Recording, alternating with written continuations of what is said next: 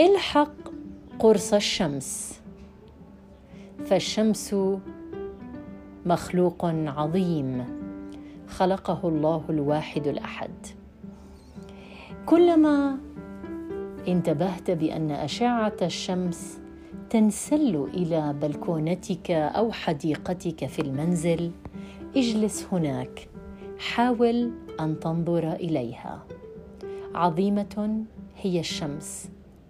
أحيانا لا نستطيع أن ننظر إليها مهما كانت قوتنا فالشمس قوتها أعظم.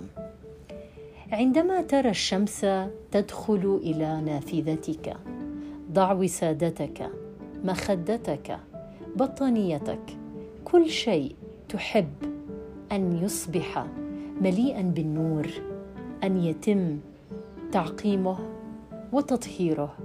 ضعه أمام الشمس لتقبله. هناك طاقة غريبة عندما نسمح للشمس أن تدخل إلى غرفتنا.